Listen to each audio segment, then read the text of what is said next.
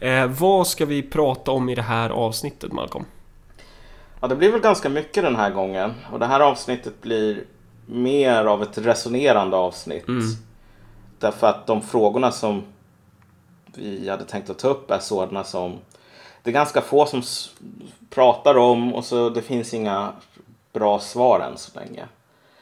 Eh, och ämnet är väl från början det här med signalement på eh, den typiska jihadisten. Ja, Men det är inte så himla enkelt att besvara den frågan. Så därför så måste man liksom gå, följa, löpa linan ut så att säga. ja det finns ju inget exakt signalement på den typiska jihadisten. Eller ja, det beror ju på hur, hur, hur mycket man ska skrapa på ytan och hur djupt man ska gå. Så. Eh, Men däremot så kan man ju hitta olika tendenser. Olika Ja, beröringspunkter. Och det vi är inne på är väl någon slags att det finns en röd tråd här. Eh, gällande människor som söker sig till Islamiska staten. Eh, och att det handlar om någonting som kallas för socialisationsprocess. Ja men precis. Och snarare då bristen eller felen i den här socialisationen. Ja. Ehm, för just när det gäller det här med jihadister så det har ju funnits läkare som åker ner till Raqqa. Det har också funnits eh, så här, arbetslösa. Folk har gjort det från Nederländerna, från Danmark och så vidare. Men en sak som har förbryllat ganska många är ju att det här är inte de allra fattigaste som verkar åka ner. Det är inte människor som håller på och tigger för att få nog med mat. Mm. För att inte svälta ihjäl. Utan det är någonting annat här. Ja, precis. Det går inte att bara anföra ett ekonomiskt argument. Därmed så ska man ju säga, vi ska gå in på vad socialisationsprocess innebär givetvis, men därmed ska man ju säga att socialisationsprocessen påverkas ju givetvis av hur ekonomin är utformad. Men Ja. det är inte ekonomin i sig som, som gör att någon blir eh, islamist, om man säger så. Nej men exakt. Vad, vad är socialisation? Och det är ett begrepp som används in, inom sociologin. Eh, jag tror att du och jag brukar säga socialisering när vi menar socialisation. Det kanske vi har gjort i något tidigare avsnitt, men socialisering är ju det som Marx pratar om när han pratar om att församhälliga eh, produktionsmedlen, eller hur? Ja precis. Eh, och socialisation är ju snarare då eh, en, en process som vi människor, eller ja, typ djur också, Eh, individer som, som är flockdjur, eh, det, den process som gör att vi formas till att vara, till att göra rätt sett till gruppens normer. Så det är en slags eh, eh undermedveten social fostringsprocess kan man säga. Ja, och det är ju också det som barnuppfostran går, upp på, går ut på, mer eller mindre. Det är ju att lära barn att fungera som människor i ett samhälle som består av en massa andra människor. Och ju- just det ämnet är ju i sig skitintressant för man skulle kunna titta på socialisationsprocessen inom, inom vänstern också, hur den formar människor, men det ska vi inte gå in på. Men det, det, det är viktigt att komma ihåg att det är undermedvetet oftast. Att det är så här, det är typ ett... Individen lö, lär sig begränsningen i, i gruppen, vilka normer som är accept, eh, accepterade och vilka normer som inte är det. Vad händer om man säger det här ordet? Vad händer om man gör så här? Eh, vad blir konsekvenserna? Och så formas man ju utifrån det i, i, i, den, i den processen. Så. Exakt. Det finns ju exempel på dubbel socialisation. Eh, då, då man utsätts för flera socialisationsprocesser. Eh, och där brukar man ju ta det här klassiska att barn som uppfostras i hemmet med en viss form av normer Eh, till exempel att ja, men, eh, det är helt okej att svära och så kommer man till skolan och så får man höra att ajabaja, så där får man inte göra. Eller det, det kan ju vara någonting större än så. Men där liksom hemmets normer och skolans normer inte stämmer överens. Eh, man kan också ta ett annat exempel och det är så här tamdjur som släpps ut i det vilda. Även där kan man ju prata om socialisationsprocesser gällande vad man har lärt sig är det liksom framgångsrika receptet för att överleva. Att helt plötsligt så måste man börja anpassa sig på nytt, man måste lära om de här mönstren som man har tagit eh, som för givna liksom, för att det har varit undermedvetet och självklart. Och på samma sätt kan man ju prata om socialisation på ett samhälleligt plan då. Eh, gällande typ om du växer upp i ett patriarkalt eh, klansamhälle där väldigt många är nomader. Eh, exempelvis Somalia. Och så hamnar du i, i Sverige. Där det ser Mm. helt annorlunda ut. Det är två socialisationsprocesser som kommer eh, stå, gå i clinch med varandra. Eh, Men den här individen som, som liksom har vuxit upp i den, den ena av dem, han, han eller hon måste ju likt förbannat anpassa sig till det nya, det nya klimatet. En annan grej som är intressant att ta upp är olika kulturers tillåtande gentemot individer att forma, sig, forma sina identiteter. För det finns ju Mm. olika spelrum för det, lite beroende på hur olika kulturers socialisationsprocesser ser ut. I vissa kulturer så kan man ju eh, vara mer tillåtande gentemot en viss form av identitetsskapande. I Sverige är vi ju där på många sätt, men sen kan vi kanske vara ganska inte tillåtande mot andra former av identitetsskapande som eh, vad, vad nu det skulle vara. Men, eh, men det finns ju givetvis. Eh, poängen är att så här, ideologi, det är ju någonting som är så självklart så vi ser det ju inte alltid själv. Men i andra kulturer så kanske man då absolut inte är så tillåtande mot eh, individers identitetsskapande, som till exempel i ett klansamhälle. Precis. Eh, och det där är relevant. Ja, och anledningen till att det är relevant är ju att nu har jag ju läst en hel del om det här med folk som ska försöka sätta sig in i den här vem som blir terrorist till exempel. Och det genomgående är ju att det här är människor eh, den här, det här ordet utanförskap är inte bara i termer av att man inte har ett jobb till exempel. Utan bara att man känner sig alienerad från samhället på något plan. Den här alienationen, det här man passar inte in. Den biten verkar vara väldigt viktig. Och sett till rent historiskt, om man ska göra en tillbakablick till Europa för 500 år sedan, eller Kina för 200 år sedan, så är det så att vilka är det som går med i sådana här millenära rörelser? Vilka är det som är väldigt sårbara för att eh, ja, men gå med i motsvarigheten till IS på den tiden?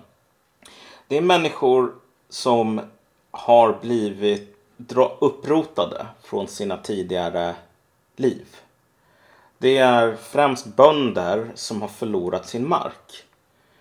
Om du förlorar din mark som bonde då kan du hamna i städerna som någon sorts em, förmodernt proletariat. Och så kan du jobba i olika fabriker, verkstäder. Ofta för en jävligt låg lön.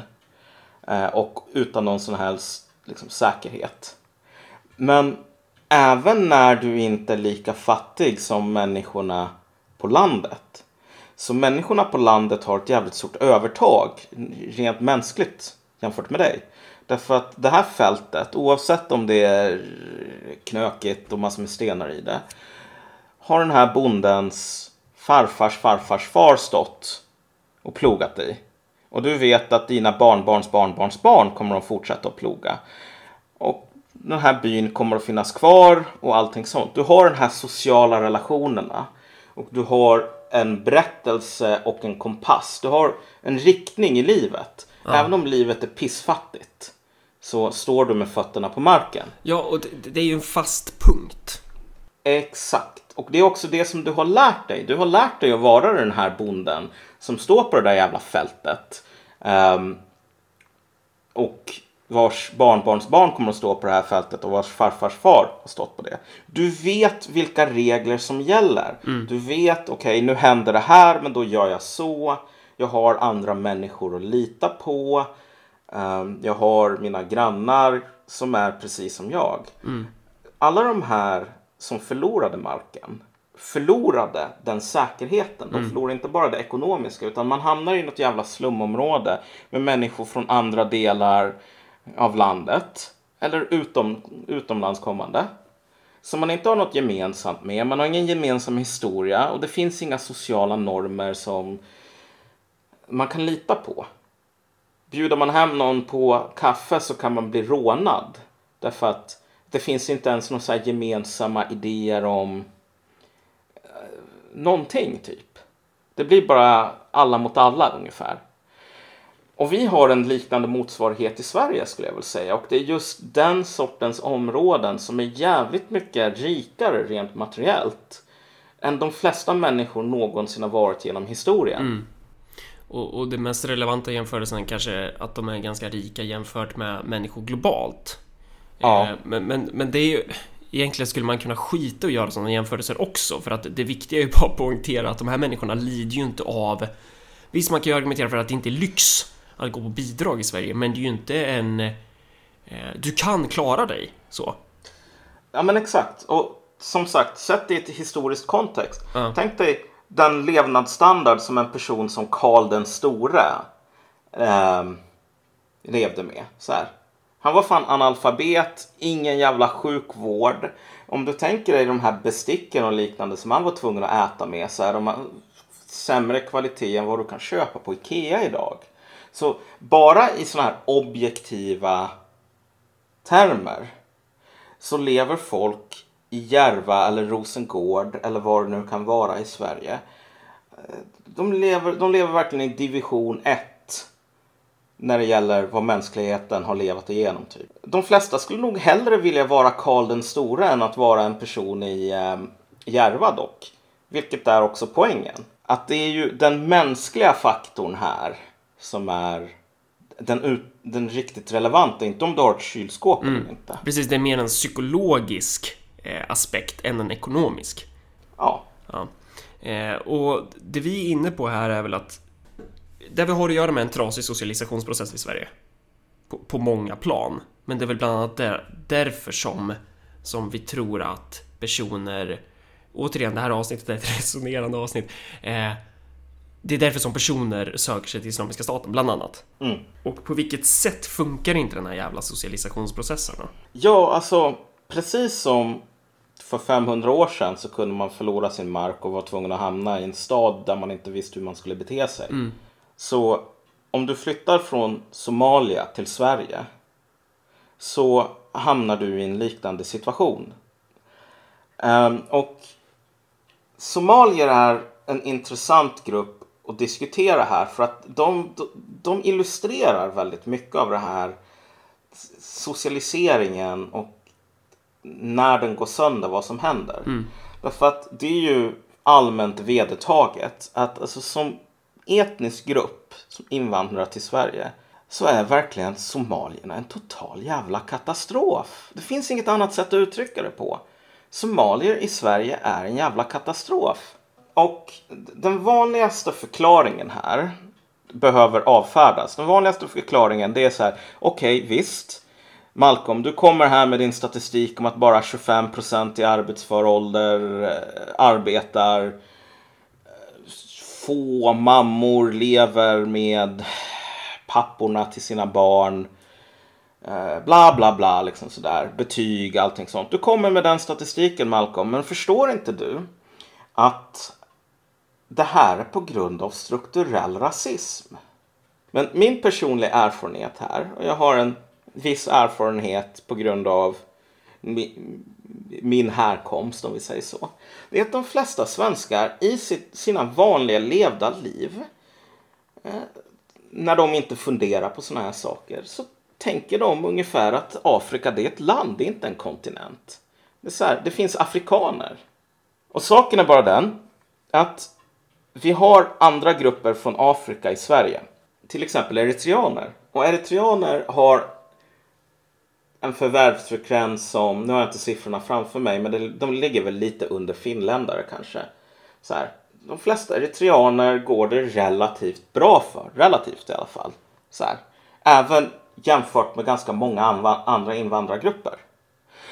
Och jag kan absolut inte tro att det har funnits en epidemi av så här frenologi på eh, arbetsintervjuer.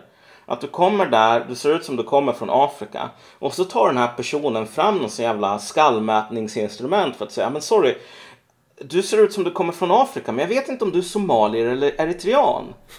Innan jag kan använda min svenska strukturella rasism så måste jag mäta din skalle för att ta reda på om du ska ha strukturell rasism light eller strukturell rasism extra hot. Så här. Det är inte så det funkar. Eh, och idén om att någon som min pappa som är från Uganda då skulle säga så här. Jo men vad fan, jag är precis som somalier. Eh, och alla somaliers problem, det, det, det är, du vet, det är inte på grund av att de är somalier. Mm. Utan det är på grund av att så här, alla vi från Afrika, vi möter samma utmaning. Liksom. Man skulle säga håll käften. Mm. Det finns inte en möjlighet att förklara skillnaden mellan till exempel eritreaner och somalier bara genom att hänvisa till svensk rasism. Nej. Därför att svenskar är inte...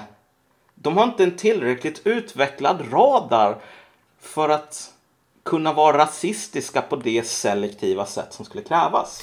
Precis, svaret måste finnas inom de här grupperna och i, i hur väl grupperna klaffar med svenska samhället. Exakt. Det finns en artikel i Göteborgs-Posten. De intervjuar någon snubbe från Somalia som jobbar som tolk åt kommunen bland annat tror jag. Socialtjänsten och så vidare. Och han har ju sin, sin, sin berättelse, sin teori för varför eh, det går så jävla dåligt för somalier i Sverige. Och han menar väl att det är att somalier inte klarar av att leva i, alltså det, det blir för mycket av en kulturchock. Man har inte längre de verktygen som krävs. Alltså de regler som gäller hemma i Somalia och det sättet som man måste leva i vardagen för att kunna reproducera sig själv. Som nomad till exempel. Det finns massor med praktiska saker som, in, som det ingår i att vara nomad. Ja, men den, den somaliska socialisationsprocessen i Somalia. Ja, men exakt. Den, den, den klarar inte av den, de gigantiska skillnaderna som finns mellan det svenska samhället och det som man gör i det svenska samhället och mellan det somaliska samhället. Det som man gör till vardags där. Och jag menar, det måste nog ändå ligga någonting i en sådan förklaring. Därför att anledningen till att en sån där förklaring, okej, man klarar inte av kulturchocken typ. Eh, framstår som i alla fall rätt ändå att börja i. Det är bara att om du ser till statistiken för somalier i Sverige. Den här artikeln i GP som är tio år gammal skrevs ju i samband med ett par riktigt jävla brutala ehm, du hade en sån här rånarliga, väldigt unga människor. Många under, så att de inte kunde straffas överhuvudtaget för att de var under 15 år. Och så sa en av de polisutredarna i den här eh, i samband med detta att alltså hon hade aldrig sett samma sorts, alltså liknande våld. Därför att de flesta som håller på är yrkeskriminella. De behöver, om det är majoritetssvenskar till exempel, de flesta de behöver fan ett par år att värma upp. Mm. Och när det gäller till exempel att använda kniv så är det också någonting som de flesta inte börjar med. Eh, och det är också en produkt av socialisering.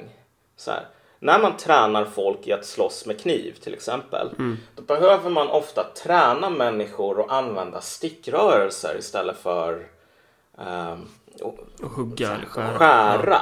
Och anledningen till att man måste tvinga folk att använda stickrörelser det är för att de flesta människor ve- vet undermedvetet att sticker man någon i magen då krävs det kanske ett stick för att den här personen ska dö om du sticker på fel ställe. Medans skärsår, de är fan inte farliga. Det är ingenting som man dör av. Så de flesta människor som använder, plockar upp en kniv kommer att försöka minimera skadan som man gör med den här kniven. Därför att människor lär sig det på något plan. Det är fel att skada andra. Och poängen är väl att de här somalierna, de här somaliska ungdomarna, eh, det, som den här polisinspektorn eller utredaren tyckte var sjukt, det var ju att de verkar inte, de verkar inte ha lärt sig att det här inte är fel. Eller att det här är fel. Liksom. Det, de verkar, den här socialiseringen som gör att de flesta behöver flera år på sig innan de känner sig beredda att börja använda grovt våld. Den verkade saknas här. Så att 13, 14, 15-åringar kunde gå ut göra sin jävla debut och råna folk med kniv. Om man tänker att, att barn i Somalia hade gjort så. Ja. Då hade de ju pryglats. Liksom. Alltså de hade ju... Det hade ju inte accepterats. En farsa i en sån Exakt. familj hade ju, han hade ju blivit vansinnig. Exakt. Det är det som är, när folk håller på på Flashback så säger de ju alla de här sakerna om du vet. Dumma människoapor i Somalia, då håller man på att klia sig i skrevet och käka bananer typ hela Ja. dagen.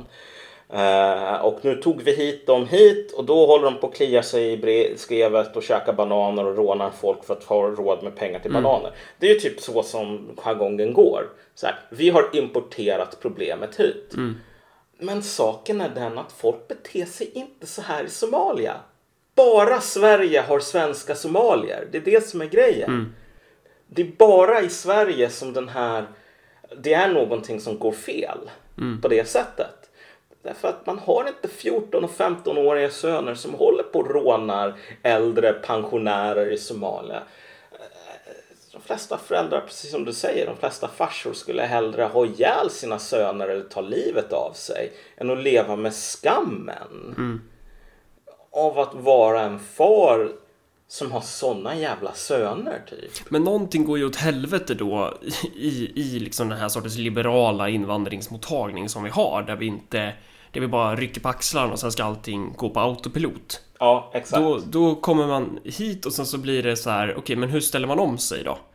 Eh, och, då är, och då kanske man undrar så här, ja men ingår det i den somaliska socialisationsprocessen att knivhugga folk? Nej, det är ju just det som är poängen, att det gör ju inte det. Men det blir problem eh, gällande uppfostran av människor Mm. i, i, det här, i den här clashen, typ. Eh, och ett konkret problem är väl, nu har vi ju inte exakta siffror på det heller. Det är så jävla bra. Nu bara sitter och så här brainstormar och har tryckt på record. Men ehm, var är farsorna i vissa av de här familjerna? Alltså vad, Mm. och vilken roll spelar papporna i uppfostran i Sverige? Så. Ja, nej, men, men det är ju ett bra exempel just för att fortsätta på den här eh, artikeln om somalier till exempel i GP. Att en av de här sakerna som den här tolken tar upp är ju bara att stora, han lägger skulden på somaliska pappor i Sverige. För att de skiter ofta i sin familj.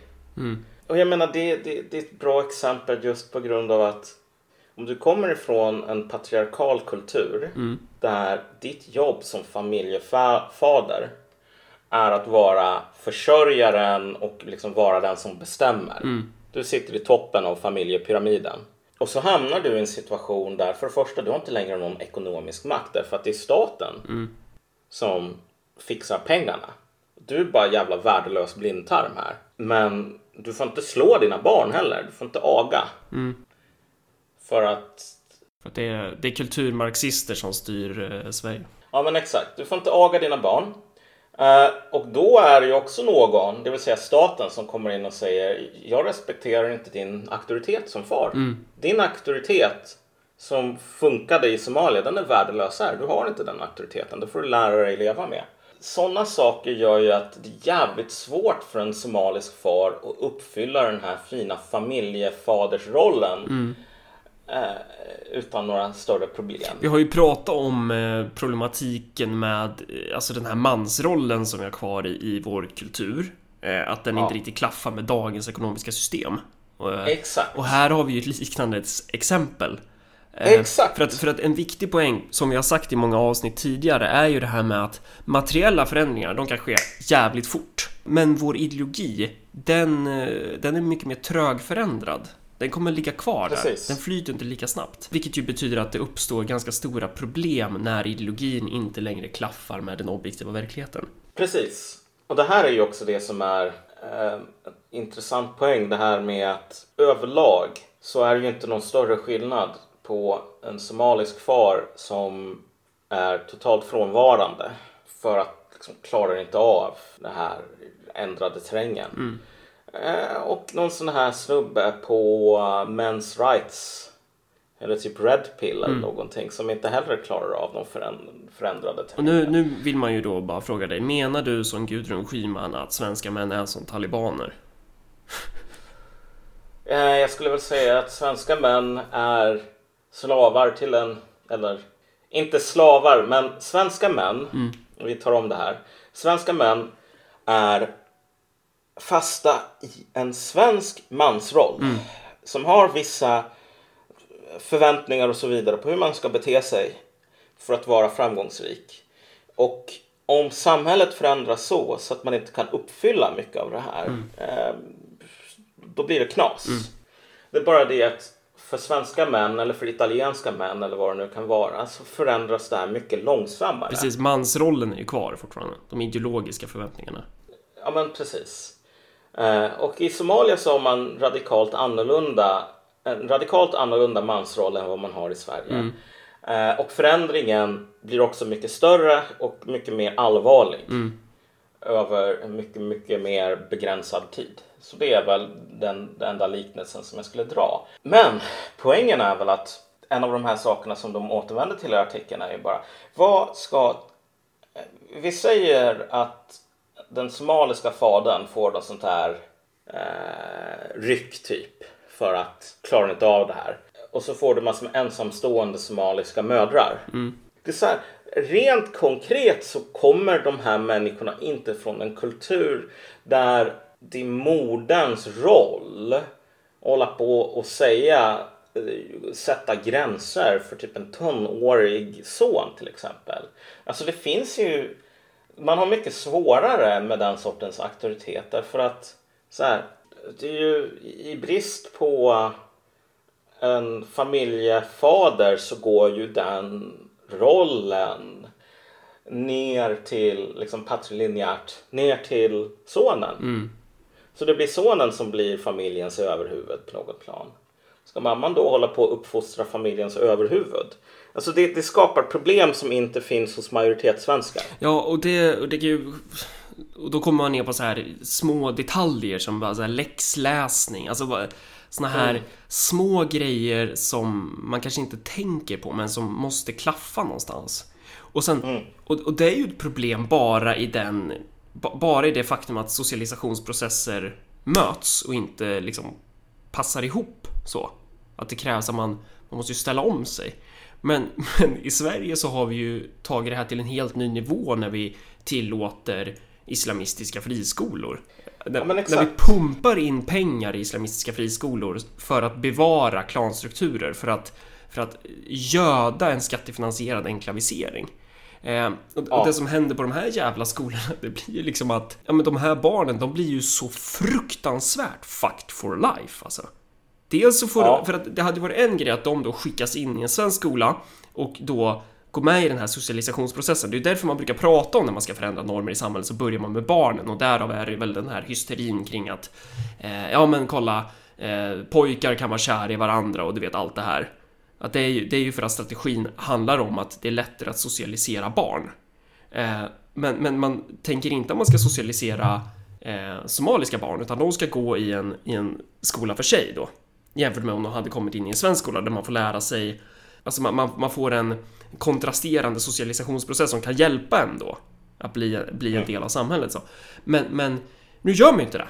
Utan då hamnar man på den här jävla skolan och så får man lära sig massa normer och idéer som, som snarare syftar till att göra en ännu mer marginaliserad i framtiden. Så kommer man komma där en vacker dag och ska söka jobb. Och då... Ja. Och så bara, ja, men vad står det på ditt CV då? Ja, men jag gick på Eh, Al Shabab skolan eller vad man ska säga. Jag gick på den här jävla skolan. Det är, alltså, det är ju inte meriterande direkt. Det kommer ju bara, det är ju så... Det kommer gå käpprätt åt helvete. Om man då tittar på så här de som är med Islamiska, alltså de som har åkt ner och slåss för Islamiska staten idag, de växte ju typ upp på 90-talet. Det är 90-talister. De, många Exakt. av dem gick ju ändå i så här svenska kommunala skolor. De, de fick den socialisationsprocessen. Jämför då med de ungarna som föds nu på 2010-talet som vi med skattepengar utbildar i de här institutionerna. De är så, alltså det kommer gå käpprätt åt helvete här. Ja. Det är riktigt jävla illa.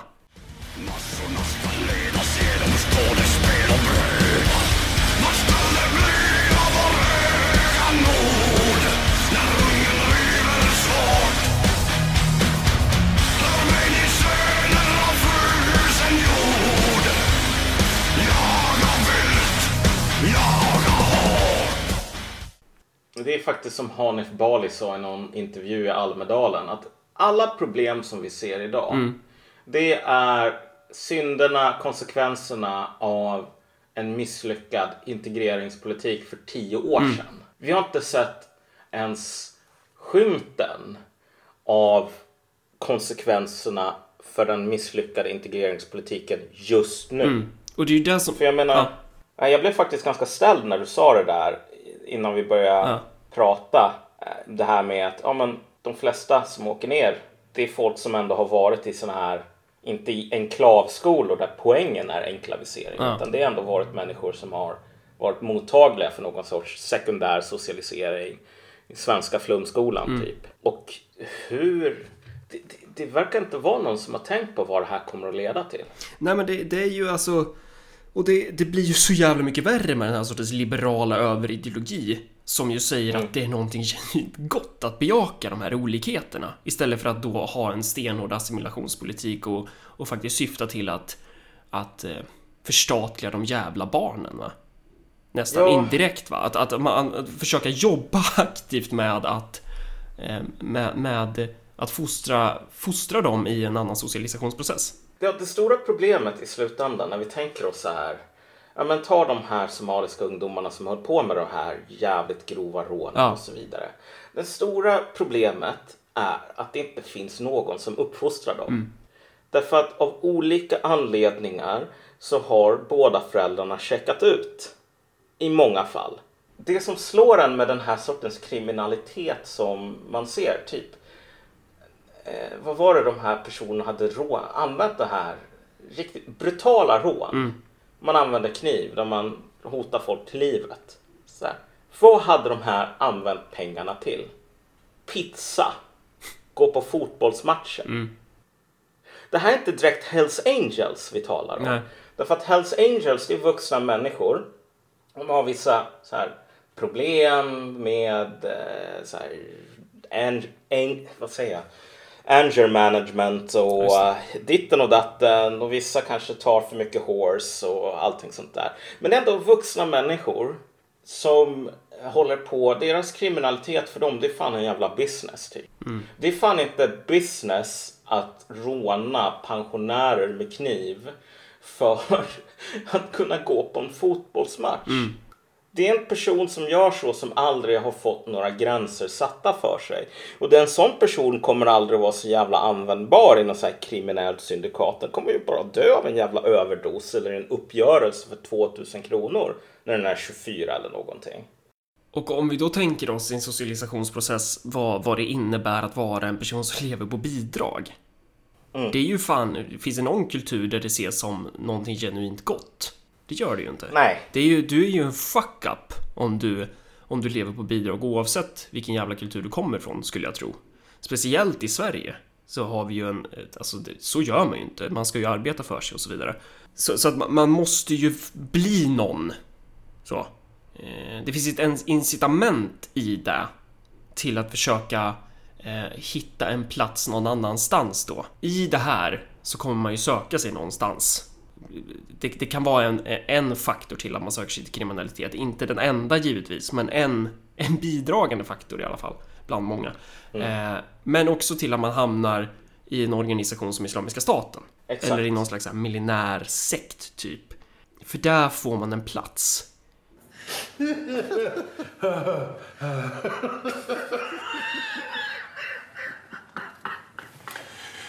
Jag kommer aldrig att få något jobb. Jag är dömd till ett liv i utanförskap. Var kan en sån som jag hitta en plats i den här världen? Kan du säga mig det? Va? För jag vill, jag vill gärna ha en plats. دولة الإسلام قامت بدماء الصادقين أمتي قد لاح فجرا فارقب النصر المبين الدولة الإسلامية في العراق والشام Ja, Men in, och innan vi går in på typ så här islams roll kanske vi ska prata lite om eh, offermentalitet i Sverige. Ja, nej men precis. För vi har ju länge haft den här idén om att, och det här är den attityden som har funnits. Om du tänker dig, eh, svenska somalier och deras allvarliga, allvarliga problem. Då har man trott att man har löst någonting genom att säga ja men du vet vad, det här är svenskars fel. Det här är på grund av att svenskar är rasistiska eller dumma eller inte betalar ut höga nog bidrag. Du vet, det finns den här jävla Jesuskomplexet mer eller mindre. Att allting som är fel, det är någon elak svensks fel och därför så måste vi hyra in massor med människor som har som jobb att hålla på med normkritik. För att genom den här normkritiken visa på att nej men vet du vad, råna folk med kniv eller gå ut skolan där typ 25 procent eller någonting har fullständiga betyg. Det är fan, det är bara en, en vithetsnorm som säger att det är ett problem. Och det är bara så här att det är inte så det här funkar. En bra liknelse kanske är det här med, men du vet, Mr DNA från Jurassic Park. När de ska hitta det här dinosaurie-DNA i den här bärnstenen. Så har de ett jättestort problem därför att det är så jävla många hål i den här genetiska koden. Och typ om du har alla de här hålen så kan du inte bygga en dinosaurie så, så de är tvungna att hålla på och hitta massor med ehm, andra grejer att stoppa i de här hålen. Och om du tänker dig radioaktiv, radioaktiv strålning. Varför det är farligt? Jo, för att det skapar de här hålen. Strålningen går in i cellerna och bara slår ut delar av arvsmassan. Och, och det exemplet vill du då använda för att förklara att det finns glapp i, i socialisationsprocessen då? Exakt, exakt. Det är det som är problemet. Och det är inte svenskar som har orsakat det här Nej. nödvändigtvis. Och en cell i kroppen som inte har eh, där det finns alltså de här luckorna, skadorna. Den kan antingen ta livet av sig eller så kan den bara fortsätta och inte fungera. Eller så kan det bli en cancersvulst. Därför som folk utvecklar cancer efter de utsa- utsätts för massor med strålning. Därför att det funkar inte att gå runt med alla de här skadorna typ. Och det här är den sociala motsvarigheten mer eller mindre. Problemet med den här offerrollen i Sverige är ju att den är så jävla... Det är som en beroendeframkallande drog har man märkt. För att om du har den här berättelsen om att jo men det är det rasistiska samhällets fel. Då kan du på fullaste allvar hålla på och sälja droger till exempel. Eller hålla på med kriminalitet. Som irakier eller somalier eller afghan eller vad det nu kan vara. Men poängen är bara så här att om du säger allt det här det är på grund av att samhället är rasistiskt, det är inte mitt fel, jag har ingen kontroll. Eh, det som du säger då är ju den här det finns ingen fri vilja mer eller mindre. Och en annan grej som du säger det är ju bara så här att okej men om du bodde i Somalia eller någonting eller i Irak eller i Afghanistan och höll på att typ råna pensionärer. Då skulle typ din omgivning bara säga ja ja okej men det här är en person som inte är en jävla fuck up som vi borde mörda. Så här. Men eh, surprise surprise det skulle de säga. Och man märker det, jag lyssnar på den här podden Krull och kriminell där de håller på och intervjuar eh, en del rasifierade människor med kriminell bakgrund och så vidare. Och folk som är ute ur det livet, som är så här 32 och har barn typ. De säger ju ofta så här, okej, när jag var 20, jag var helt jävla dum i huvudet. Jag var dum i huvudet. Jag gjorde massor med saker som bara var helt galna. Så jag kan se tillbaks på det nu och skratta nästan nu över vilken jävla psykotisk person som jag var. Men om vi har ju tagit ifrån den här möjlig... Vi har tagit ifrån en hel del mä- människor möjligheten att vara dum i huvudet. För om någon är dum i huvudet då säger man just nu är du dum i huvudet, just nu behöver du skärpa dig. Och du behöver kanske hjälp för att kunna skärpa dig och så vidare. Men problemet är att du beter dig som en jävla freak. Och d- där i kan man ju också se den här diskussionen om rehabilitering och, och allt det där för islamiska terrorister. Ja, Alltså, det, Men- det, ligger ju, det precis. ligger ju i linje med det här resonemanget. Alltså i hur man förstår fenomenet typ. Att det här är Ja, någon slags offer. och kolla. I någon bemärkelse så är de ju offer. Men Ja, men inte på grund av typ omgivningens, eh, vad ska man säga? De är ju offer för materiella faktorer, inte på Exakt. grund... Ja. Men det är som en hund som blir biten av en fladdermus och får rabies. Den, den hunden är fan också ett offer.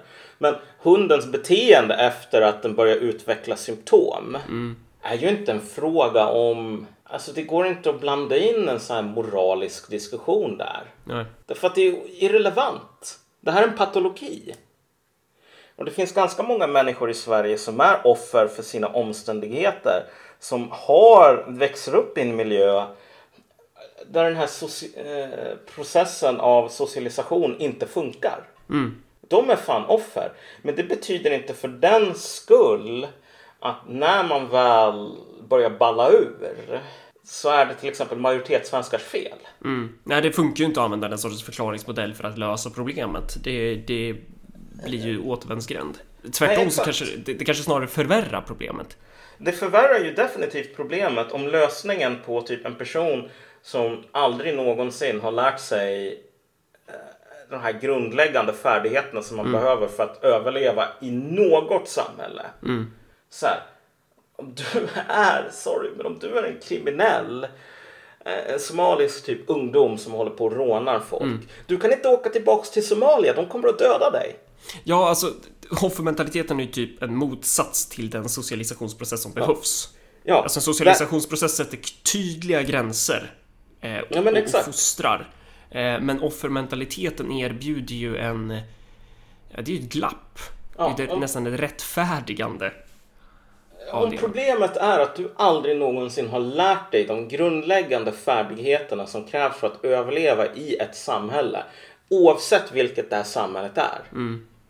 Då kommer inte du att hjälpas av att någon jävla Gudrun Schyman tar eh, någon piska och slår någon så här medelålders man i Rättvik på ryggen. Typ. Alltså, det, det, det är totalt olika processer. De har ingenting med varandra att göra. Ja. Men vi har hela tiden varit i det här eh, omvända, den här omvända rasismen som kommer ifrån Okej, nu får man inte längre hålla på med den vita mannens börda, men då kör vi att allting vi får inte längre säga att allting som är bra i världen är den vita mannens fel. Okej, men då måste allting som är dåligt i världen vara den vita mannens fel. För då är man ändå huvudperson i historien typ. Om man inte får vara Luke Skywalker då kan man fortfarande vara Darth Vader i centrum. Och det hjälper ingen. Det hjälper inte invandrare i Sverige. Och vad, det enda som det gör det är ju att det spär på alla de här motsättningarna. Typ när eritreaner säger jag tänker rösta på SD för jag är trött på massor med lata somalier i det här landet som lever på bidrag. Eh, eller som efter den här massakern vid Bataclan-teatern i Frankrike. Jag kommer inte ihåg vilken tidning det var som skrev om det men som hade intervjuat någon person vars somaliska mamma sa till den. Det här är därför du inte ska umgås med araber. Jag har ju sagt hela tiden att araberna är dumma i huvudet. De kommer att göra massor med idiotiska grejer som drar ner skulden på oss typ. Så här. Det, det enda du göder med den här sortens liksom, bejakandet av offermentalitet. Det är den sortens konflikter mellan etniska grupper. Därför att problemet är inte den strukturella rasismen. En sådan finns. Eh, Det kan man fråga många eritreaner om. Det finns strukturell rasism i Sverige, men den kan inte förklara det som är fel här. Eh, islam är ju Alltså, det är ju den bärande pelaren i, i många socialisationsprocesser i många länder i världen. Alltså, det, den är ju en...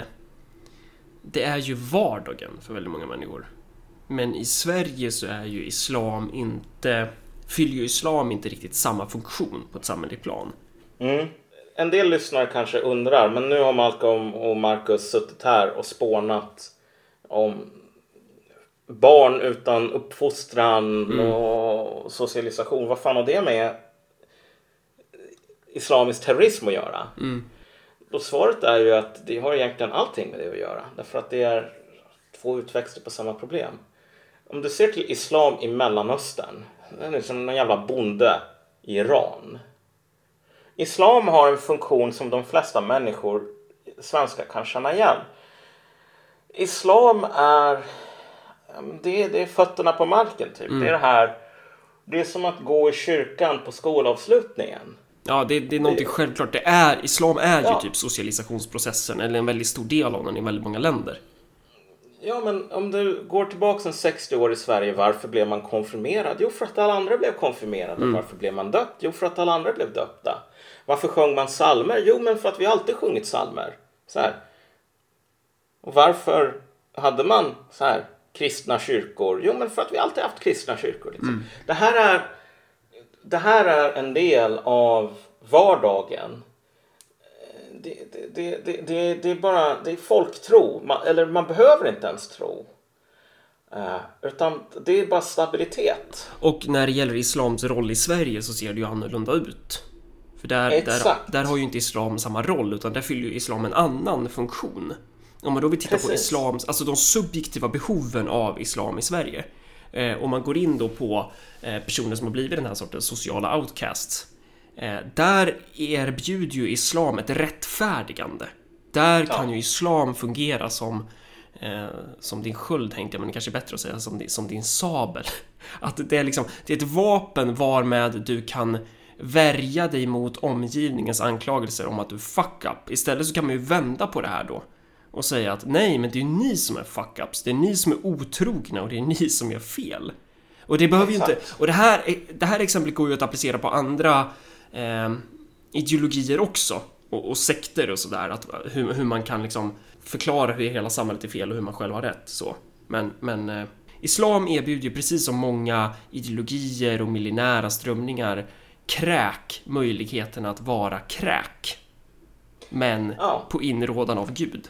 Ja men exakt, alltså det låter folk göra det som de vill göra ändå men som det finns massor med moraliska problem med. Eh, men, kolla. Om du ser till det här förortskickers som sen börjar prata om sharia. De flesta av de här människorna lever ju inte särskilt dygdiga liv. Det är inte som om du åkte tillbaks till 1300-talet och talade med en av de här stora, stora islamiska tänkarna typ. Eh, Eller välj vilket århundrade som helst egentligen. Om du åker ner till de respekterade auktoriteterna inom islam. Och så visar du upp det livet som du har levt i Järva fram till nyligen. De här människorna skulle ju säga åt dig att sticka.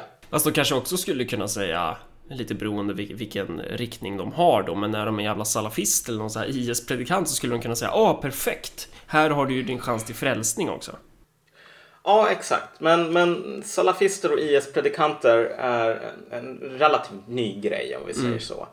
Ehm, I alla fall i dess nuvarande form. Poängen är väl så här att det, det råder inte någon större kontrovers kring att de flesta människor i typ Järva till exempel, eh, unga med eh, så här kända av polisen sedan tidigare, är riktigt dåliga muslimer. Och det är inte jag som bara sitter här som någon dum ateist och säger det, utan de här människorna skulle ha jävligt svårt bland stora muslimska tänkare genom historien. Poängen är ju att för dem så har islam inte funktionen av att vara en universell religion på samma sätt. Vänta, jag tar om det här för nu blev det jävligt otydligt. Men kolla. Många av de här, det, det är liksom väldigt vanligt bland såna här som blir salafister och liknande. Det är ju att de lever jävligt odygdiga liv. Massor med sprit och droger och småkriminalitet typ. Jag kan säga så här, man behöver inte vara en expert på islam för att veta att sprit och droger och småkriminalitet och trasiga förhållanden och så här otrohet. Det är inte grejer som gör en bra muslim. Det här är grejer som gör en dålig muslim. Eh, och de här har liv som ofta ganska ointresserade av islam. Inte direkt folk som håller på och studerar Koranen varje dag oftast. Och sen så sker någonting och så slår det över. Och det är ju det som är det intressanta. Kolla. Islam är användbart i Sverige för ganska många unga som inte kan så jävla mycket om islam. Därför att det låter en, precis som du sa tidigare, se ner på majoritetssamhälle som annars ser ner på dem. Man kan vända på logiken. Det är vad funktionen är. Funktionen är inte att vara en universell religion med massor med eh, trossatser och liknande. Poängen är att vara ett vapen. Och du kan tänka dig, vi säger att hela Sverige konverterade, alla majoritetssvenskar konverterade till islam. Så att nästa gång som du går ner till socialkontoret så är alltså kärringen där iförd hijab. Och har just varit på, pi- på pilgrimsfärden till Mecka. Tror du att någon av de här människorna skulle vara så jävla intresserad av att få bli toppridna av någon sån här kärring från Lycksele? Som bara frågar, har du ens varit på pilgrimsfärd till Mecka? Har du ens läst den här haditen? Typ, kan du ens arabiska? Alltså, få, det här skulle ju vara den värsta mardrömmen någonsin. Därför att då skulle inte du längre kunna använda islam som den här saken som gör dig för mer än andra. Du skulle ha förlorat det sista fikonlövet. För då skulle du hålla på och säga, ja men så här bla bla bla, typ profeten sa. Och så kommer den här, någon dum svenne och säger, du vet ingenting om vad profeten sa, du är bara en dum blatte, totalt outbildad. Och det här är ju det som man ser i Mellanöstern, där alla är muslimer. Då finns det inte längre någon möjlighet för någon sån här kurd i Egypten att säga, ja men vet du vad, vi är alla sunnimuslimer här. Kurd i Egypten, hur många kurder i Egypten finns det? Ja men det finns väl inte så himla många men that's the point. Ja. Alltså om du är någon sådan grupp som blir utsatt eller typ om du är en nordafrikan, ännu bättre. Om du är en nordafrikan i Mellanöstern, för fan det finns ingen, inget ställe i världen där man hatar afrikaner mer än vad man gör i arabvärlden. Fy fan vad man hatar afrikaner där. Men om du som afrikan kommer och säger så här vi är båda muslimer. Då kommer folk att säga håll käften din jävla apa typ. Vad gör du här? Så här därför att det finns en jävligt stark etnisk chauvinism bland många araber. Och det här är ju problemet i Sverige. Eh, om alla blev muslimer så skulle det fortfarande finnas blattar. Och grejen är att islam, dess enda funktion för många, det är att vara en eh, flyktväg från att behöva leva som blatte. That's it. Det är vad islam är. Det är vad hela poängen är. Och då behöver man inte hålla på och läsa Koranen. Man behöver inte ens kunna arabiska. Man behöver bara säga jag, som de folk runt omkring mig kallar en blatte. Jag är egentligen Mujahedin. för mer. Liksom. Precis. Ja. Jag har rätt att se ner på alla de här. Så det är ju det är en jävligt knivig situation att vara i därför att det, det är väldigt svårt att förhandla med en sådan position om du tänker dig. Det finns inte så jävla mycket man kan göra från majoritetssamhällets ehm, sida. Därför att det här med nu ska vi Sverige måste sluta vara rasistiskt. Okej. Sverige är redan ett av de minst rasistiska platserna på jorden. Så här. Jo, jo, alltså det, det, det funkar ju inte den vägen. Men, men för att om, om man tänker då att eh, ju- just den här, ja här kan man väl verkligen använda det begreppet utanförskapet. Eh, Gör att människor måste söka en tillhörighet. För det är också ett problem med liberalismen, att det, eller vårt, vårt nuvarande samhälle, att den här tillhörigheten finns ju inte någon annanstans. Alltså, Ja. Det hade ju varit en annan sak om det fanns någon annan aktör som kunde varit där och plockat den här, eh, erbjudit en, en annan sorts gemenskap. Eh, men, men det kan ju inte bara ske på ett ideologiskt plan, utan det måste ju också ske materiellt. Eh, Återigen, så här, pratar om svenskhet, demos, nationalism och sånt. Det kanske hade kunnat fungera, men det, det viktiga att komma ihåg är också så här. Går det att ge alla människor en plats i, i samhället, i, alltså i form av eh, om vi tänker så här, människor söker sig till islam på grund av att de saknar en annan plats. Rent materiellt. Man är, man är bidragsberoende typ. Vad, vad finns det för materiella möjligheter att kunna ge de här människorna jobb? Alltså i dagens produktionssystem så finns ju typ inte de möjligheterna. Nej, exakt. Men jag skulle ändå säga så här att en av de stora anledningarna till att det inte finns är ju bara på grund av att marginalnyttan med att anställa många människor är ganska låg. Ja, precis. Det är någonting materiellt. Det handlar ju inte om rasism. Utan det handlar ju om eh, att, att det är...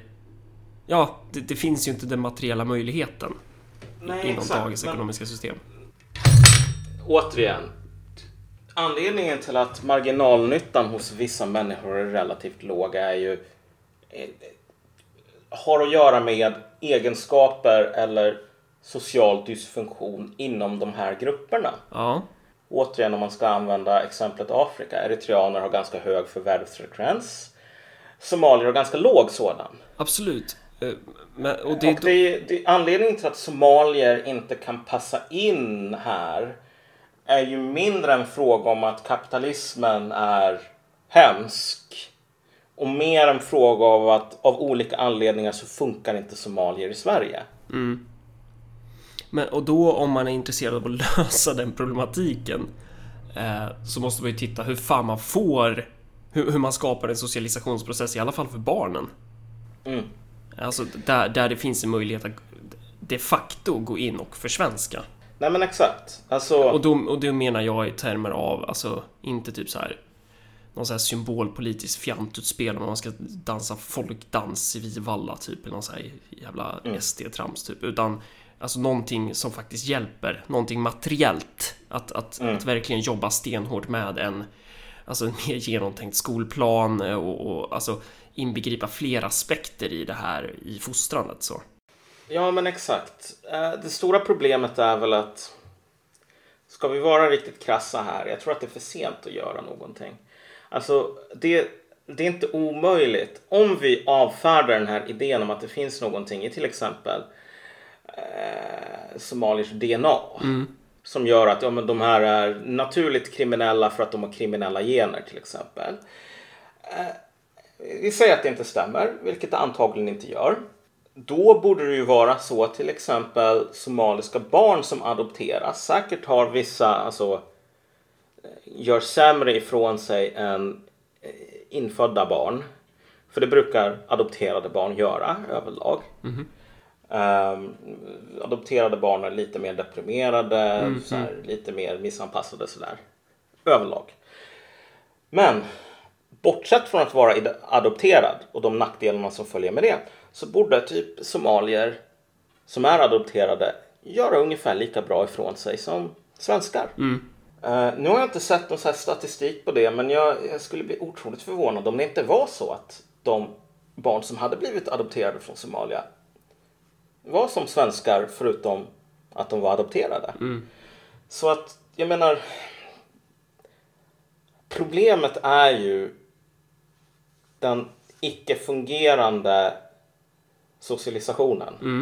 Det är ju kärnan. Och det finns ju flera anledningar till varför den socialisationen inte fungerar. Och en, en bärande grej är ju att dels att man understödjer de här enklavinstitutionerna som, som alltså så här, ja, med islamistiska friskolor och så vidare. Eh, Med, med etniska förtecken där somalierna ska gå på vad det nu kan vara. Eh, och det är ju en aspekt och sen är det också de kulturella eh, idéerna hemifrån typ. Hur de Ja, klaffar precis. med Sverige. Men en till grej. Sverige, kolla, jag vill bara inflika här att Sverige har ett experiment på det här området som faktiskt funkar ganska bra. Vilket är samer.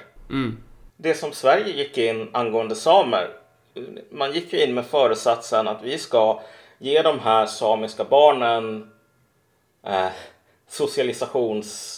Här, vi ska tvinga dem socialiseras till att bli svenskar. Ehm, och mig vetligen så funkar det ungefär så här att den generationen som fick ta det mesta stryket. En del klarade sig, andra blev så här alkoholister och liknande. Deras barn överlag fanns det ingen jävla samisk kultur kvar vid längre. Ja, romarna gjorde ju liknande med germaner och så vidare. Ja, så jag menar tidsramen här skulle vara ganska lång och sen är det här, det här skulle vara illiberalt och hemskt och så vidare och rasistiskt och bla bla bla. Just Det är mycket enklare att säga så här. Det är svenska mäns fel. Men- Det är de som har gjort allting dåligt. Men, men jag tror man kommer fortsätta göra det. ja, absolut. Men eh, det betyder ju inte att, att vi måste vara fast i den... Eh, alltså det måste ju finnas alternativ till det. Bara för att de flesta etablerade partierna kanske skulle agera så. Och jag tänker, men, men är viktig, återigen det här med att ge en plats. Alltså i en socialisationsprocess så är det ju jätteviktigt att försörjningen Alltså om, om man ska ställa krav på att alla ska ha ett jobb då måste det finnas möjlighet att alla kan få ett jobb också. Ja, nej men precis. För annars kommer, du, Eh. annars kommer du få den här grejen att upprepas och där har du ett problem idag. Där allt färre personer får ett jobb, där arbetslösheten tvärtom kommer öka. Ehm, exakt. och, och därav och jag menar, det är ju jävligt lätt att bara säga så här, ja men bara vi tar kontroll över produktionen eller, eller någonting så här stora ord. Men jag tror att det här problemet är så pass djupgående så att det typ man- man behöver göra ganska massiva ingrepp rent ekonomiskt för att kunna lösa det. Också. Ja, men jag tror, kolla, det här är ett problem som inte har en lösning skulle jag säga annat än att låta sakerna spela ut, alltså de här processerna gå så långt som de behöver gå ungefär. Jag menar det är jävligt brutalt att säga det, men det är som i slutet på den här filmen The Thing. När de har sprängt upp den här basen för att döda monstret. Så ställer någon frågan, okej, det är kallt på Nordpolen. Hur ska vi göra för att inte svälta ihjäl? Eller frysa ihjäl? Och så blir svaret från Carter sen, kanske ska vi inte göra någonting. För att i det läget så finns det ju inte så jävla mycket att göra. Och saken är väl, det här är ju, man, man får ju inte göra det inom politik, bla bla bla sådär. Säga att, ja men på vissa belägenheter så finns det ingen jävla enkel lösning. Men jag tror att det här verkligen är en sådan.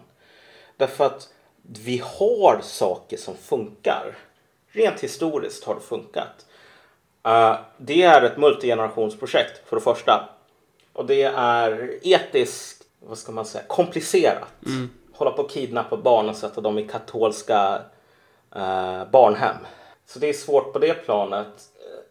Men sen är det också någonting som kräver jävligt mycket resurser. Ja. Katolska barnhem, det, det, det betalar inte sig självt. Var ska de pengarna komma ifrån? I ett läge där du har massor med viktigare saker, typ att det ska finnas poliser eller ambulanser. Saken är den att vi, risken för människor idag är inte att vi hamnar i en situation där typ SD eller någon sån här superfascist eller Daniel Friberg eller någonting kommer till makten och så säger han jag har oändligt med resurser men bara för att jävlas så tänker jag se till så att somalier inte får några resurser. Utan risken, och den här risken den är otroligt påtaglig de närmaste tio åren.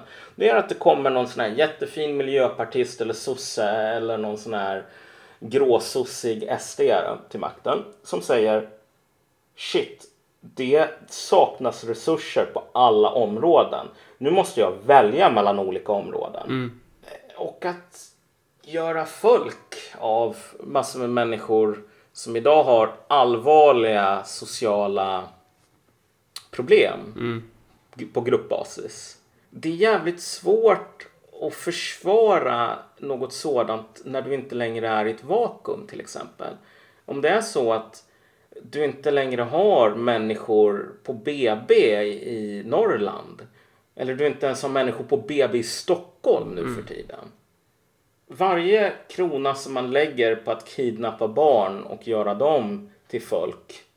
Det är en krona som du inte kan lägga på barnmorskor. Och så vidare och så vidare. Så det här är ju den stora tragiken med den sortens politik som vi har fört. Många av de här sakerna, för att fixa dem så skulle man ha börjat för tio år sedan. Och nu har vi ju hamnat i ett sådant läge där bara det här med statens kärnfunktioner som säkerhet, ja men mer eller mindre liksom bevara våldsmonopolet. Det funkar ju inte på stora delar av landet. Ehm, och man begår tjänstefel, inte bara som så här eh, moderat kommunpolitiker utan som revolutionär socialist. Om man vägrar att prioritera här. Ja, givetvis. Absolut. Ja, det är ett träligt läge alltså. Ja, det är jävligt träligt faktiskt. Den stora grejen är väl att vad det här kommer att leda till tror jag. Det är ju en mycket, mycket ökad rasism internt mellan olika grupper som inte är majoritetsgruppen i Sverige idag. Ja, precis. Mellan, Därför ja, att- mellan typ somalier och syrianer eller mellan somalier och eritreaner eller så menar du? Ja men exakt. Därför att så här. Det, det finns inga eritreaner som har något större intresse av att bli förknippade med somalier till exempel.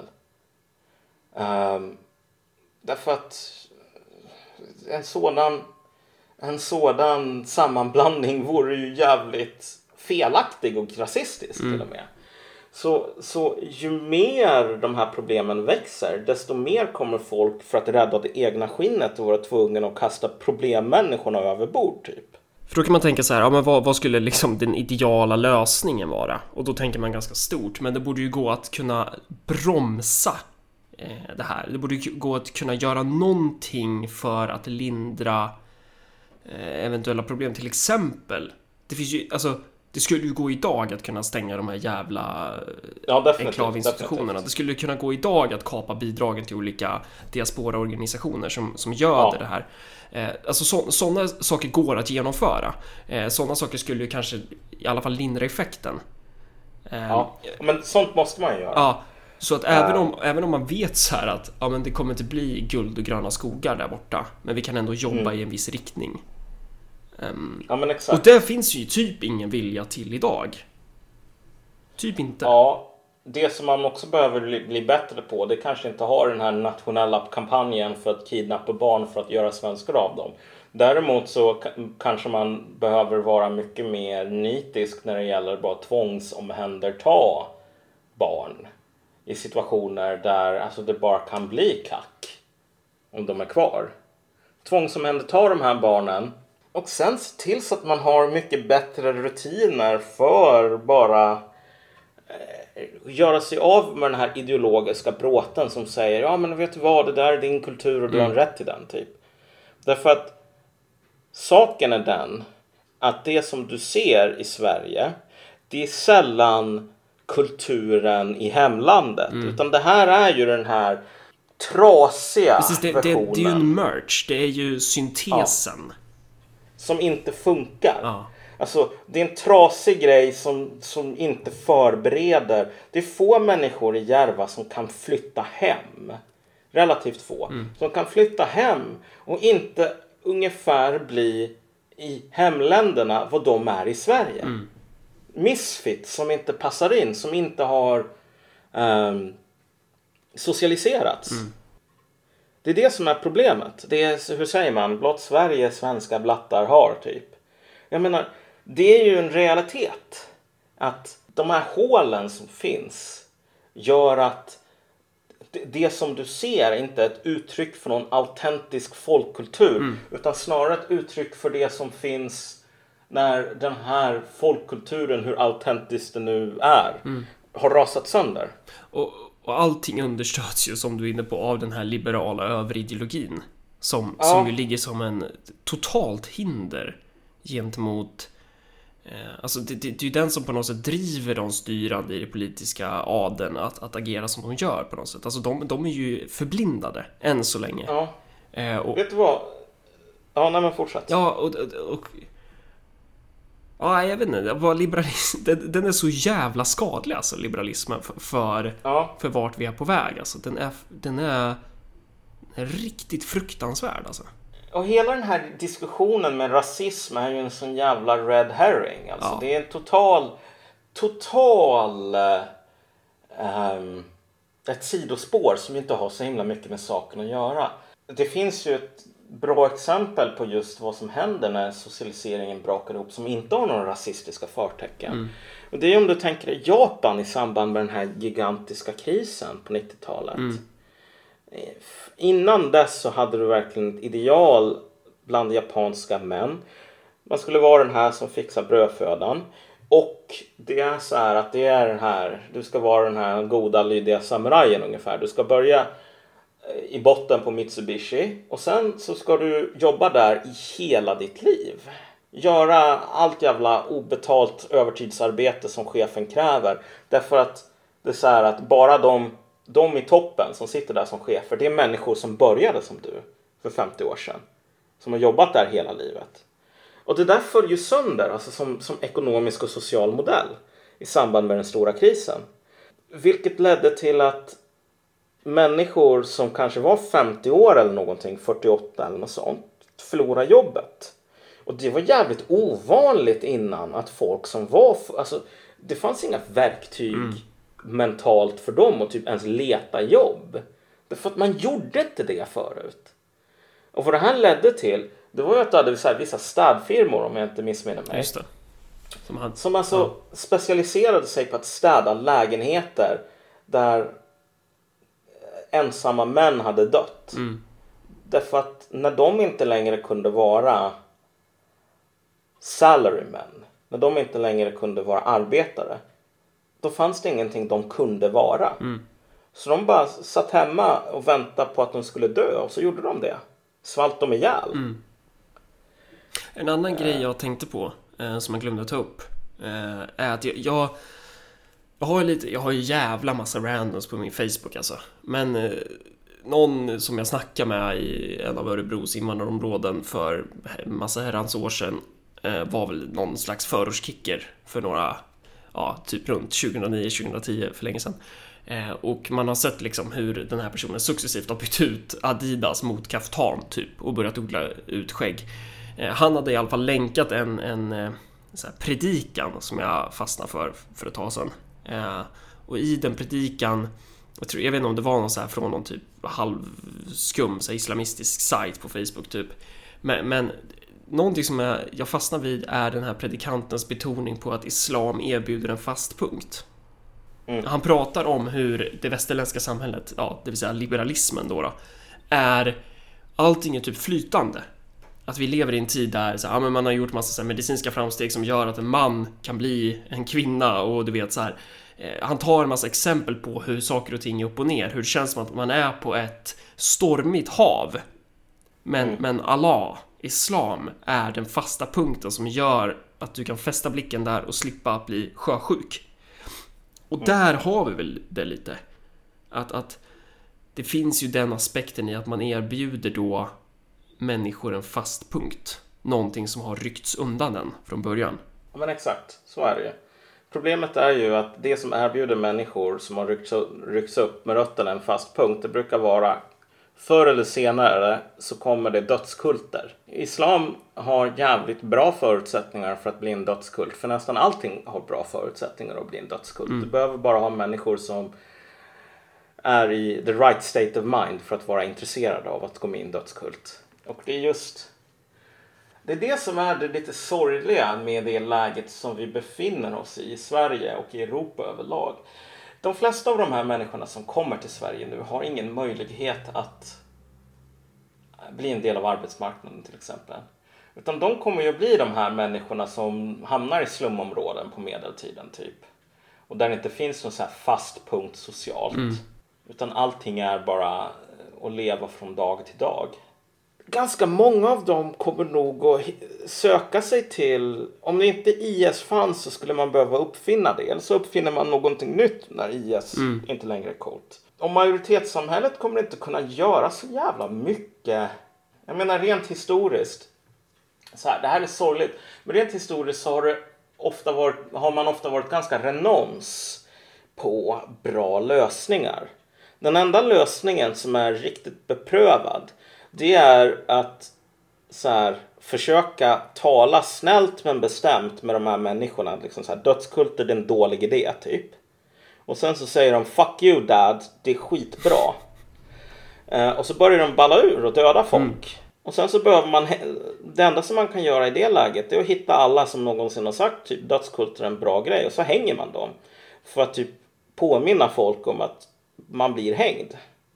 Det är den lösningen som har funnits genom historien, vilket är varför den här sortens konflikter ofta är bland de blodigaste. Typ. Ja, och när det gäller att bli hängd, när det gäller att bli martyr, alltså det, här, kommer, här glider vi in på någonting annat och här är det ju i hur ser omgivningen på en?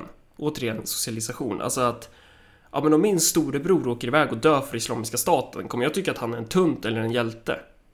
Jag, jag kommer ju tycka att han är en hjälte. Alltså man, man måste ju hitta incitament som gör att de personerna som åker och krigar för IS eh, ses, alltså blir hatade av sin omgivning. Eh, an, annars så kommer ju det här, den här grejen eh, liksom upprepas så. Ja, jo men exakt. Och, och om man ska gå in typ och titta på just de här praktiska aspekterna av ehm, För det kanske är relevant också. Alltså att det, det, vi pratar ju inte om, Islamiska staten är ju inte en terrororganisation som IRA eller PKK där du genomgår så här månader av politisk och militär träning. Nej. Eh, och du, du, man släpper Och liksom det är, inte, det är inte heller en terror... Alltså IRA. Ja, Där kunde britterna alltid plocka upp telefonen och ringa någon och säga vad fan är det som ni vill ha egentligen? För att lämna oss i fred. Och så sa de enat och fritt Irland. Mm. konkret och bra. Ja. Och sen om du sa så här, okej fine, ni får ert jävla ena, enade och fria Irland, Ja. bara lämna oss i fred. Då kommer IRA säga, okej skitbra, då behöver inte vi finnas längre, Mm. för nu har vi nått våra mål.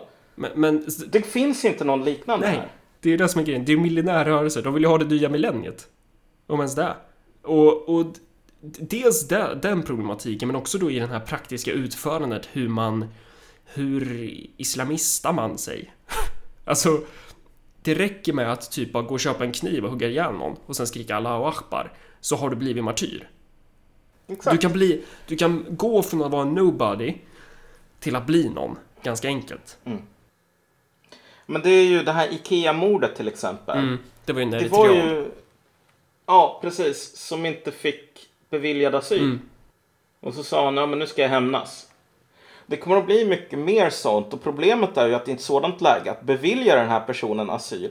Det är inte heller någon sån här liksom, magisk lösning. Därför att förr eller senare så kommer den här personen att inse att okej, det fanns ingen i Sverige som hade planerat för att jag ska kunna leva här annat än som en jävla värdelös liksom, sluminvånare. Eh, och då är det alltid risken att en person med fel lynne som inte vill vara en värdelös sluminvånare, för det är inte så jävla kul att vara det, kommer att typ ta den där kniven ändå. Trots att vi gav amnesti åt alla och sånt. Eh, jag menar, det är en jävligt svår situation vi har hamnat i, men det är väldigt intressant hur... Vad var egentligen planen? Ja, det fanns väl ingen plan. Nej. Nej, det är det, Det- som är Det fascinerande. det är, så är det väl alltid med liberalism, att det är så här less fair. Det är kommunistiskt och, och tänka steget längre. För om du tänker dig den här demonstrationen vid Mynttorget till exempel. Ja. Okej, man kan ge alla de här människorna, trots att de kanske är 22 år och fått avslag på sin ansökan tre gånger. Men så kan man säga ändå så här, men vi skiter i det, vi ger dig svenskt medborgarskap. Och så alla rättigheter som hör på det. Men om man inte vet hur man ska finansiera det här. Om man inte vet hur man ska finansiera alla de människorna som kommer att komma när det här sprids på internet att Sverige har gjort så här. Bara du tjatar tillräckligt mycket, spelar ingen roll vem du är, så kommer du att få bli svensk medborgare. Då kommer smugglarna att göra en jävligt bra affär på att sprida den nyheten vidare och säga Betalar du 7 eller 8 tusen dollar till mig så kan du också bli svensk. Hur ska man göra med det? Vi har den här situationen där man bara, om alla sak, alla områden verkar vara så här att vi bara låtsas som att det inte finns konsekvenser. För att de här konsekvenserna är för jobbiga för att tänka på. Ja, verkligen. Någonting som är viktigt att komma ihåg eh, gällande typ att, att ge människor möjligheten att använda typ millinära sekter som ett sätt att bli någon på är att man måste utforma en politik som går i en riktning som bromsar det. I, i termer av att Ja. man måste se till så att omgivningen tycker att "Ja, men det är fan inte nice att vara en jävla IS-terrorist. Nu tycker ju inte majoriteten av människor i de här eh, områdena där givetvis, men, men eh, politiken måste hela tiden syfta till att eh, man får inte lägga, man, man, man får inte lämna fältet öppet där så. Alltså lillebrorsan till den här IS-krigaren ska ju tycka att hans brorsa är en jävla tunt. Och man, det, det, det ska vara jävligt... Eh, sen, sen hur man gör det rent praktiskt vet jag fan. Om man ska doppa liken i baconfett eller vad, vad man ska hitta på, det, det vet inte jag. Men, men det tåls ju att tänka på kanske. Mm. Ja, nej men nu har vi hållit på och spånat och snackat skit ur röven i Ja. ett tag. Men som sagt, jag menar det är värt att ha en diskussion om sådana här saker som inte bara fryser fast i, Mm. i det här jävla idiotiska ställningskriget som är så himla vanligt idag. Här har vi ju bara pratat om om vissa delar av det här. Det här är ju verkligen inte menat att vara Ja. typ bara här är manualen, här är facit typ. Utan det här är bara som sagt du och jag sitter och drar grejer ur röven. Eh, Och så gör man i en podd. Så kan man göra. Eh, och eh, vi har säkert missat jättemånga grejer. Man, vi, vi kommer ju så vanligt lyssna på det här efterhand och bli skitförbannade och tycka att bara vad fan helvete. Men eh, ja. Eh, det går fan... Jag, Stort tack till alla som har skickat pengar. Nu är vi fan uppe i 10 317 kronor här på den här gröna mätaren som man kan se på Örebropartiets hemsida. Och målet är ju att nå 35 000 kronor innan sista september. Så fortsätter den här takten, ja men då kommer vi klara det. Jävligt nice! Stort tack till alla som har skickat pengar, jättebra! Ehm, om det är någon mer som vill bidra så kan man skicka pengar till plusgiro 71 49 78-4 Alltså 71 49 78-4 och så kan man märka insättningen med gåva om man vill skicka pengar till Örebropartiet. Och det går också bra att swisha valfri summa till eh, 123 043 99 43. 123 043 99 43 och märk eh, med gåva. Svinbra. Eh, och också stort tack till alla våra jävla Patreons. Vill man bli Patreon och stödja Marcus och Malco så kan man ju bli det också genom att gå in på patreon.com tror jag väl att det är va? Ja, och sen så söker man på Marcus och Malcolm där. Och så får man upp oss där. Vi har inte fixat en sån flashig sånt snedstreck där. Vi har bara user någonting. Ja, hur som helst. Eh, då kan man donera en liten eh, gåva varje gång vi släpper ett nytt avsnitt. Så det är också jävligt nice. Fan vad gött att folk så här kastar pengar på oss. Mm. Det är trevligt. Ja, nej men precis. Vi hörs och syns på återseende allihop. Mm. Hej! Snabba bollar i banken. Korta, effektiva möten. Det är ganska fort tycker jag.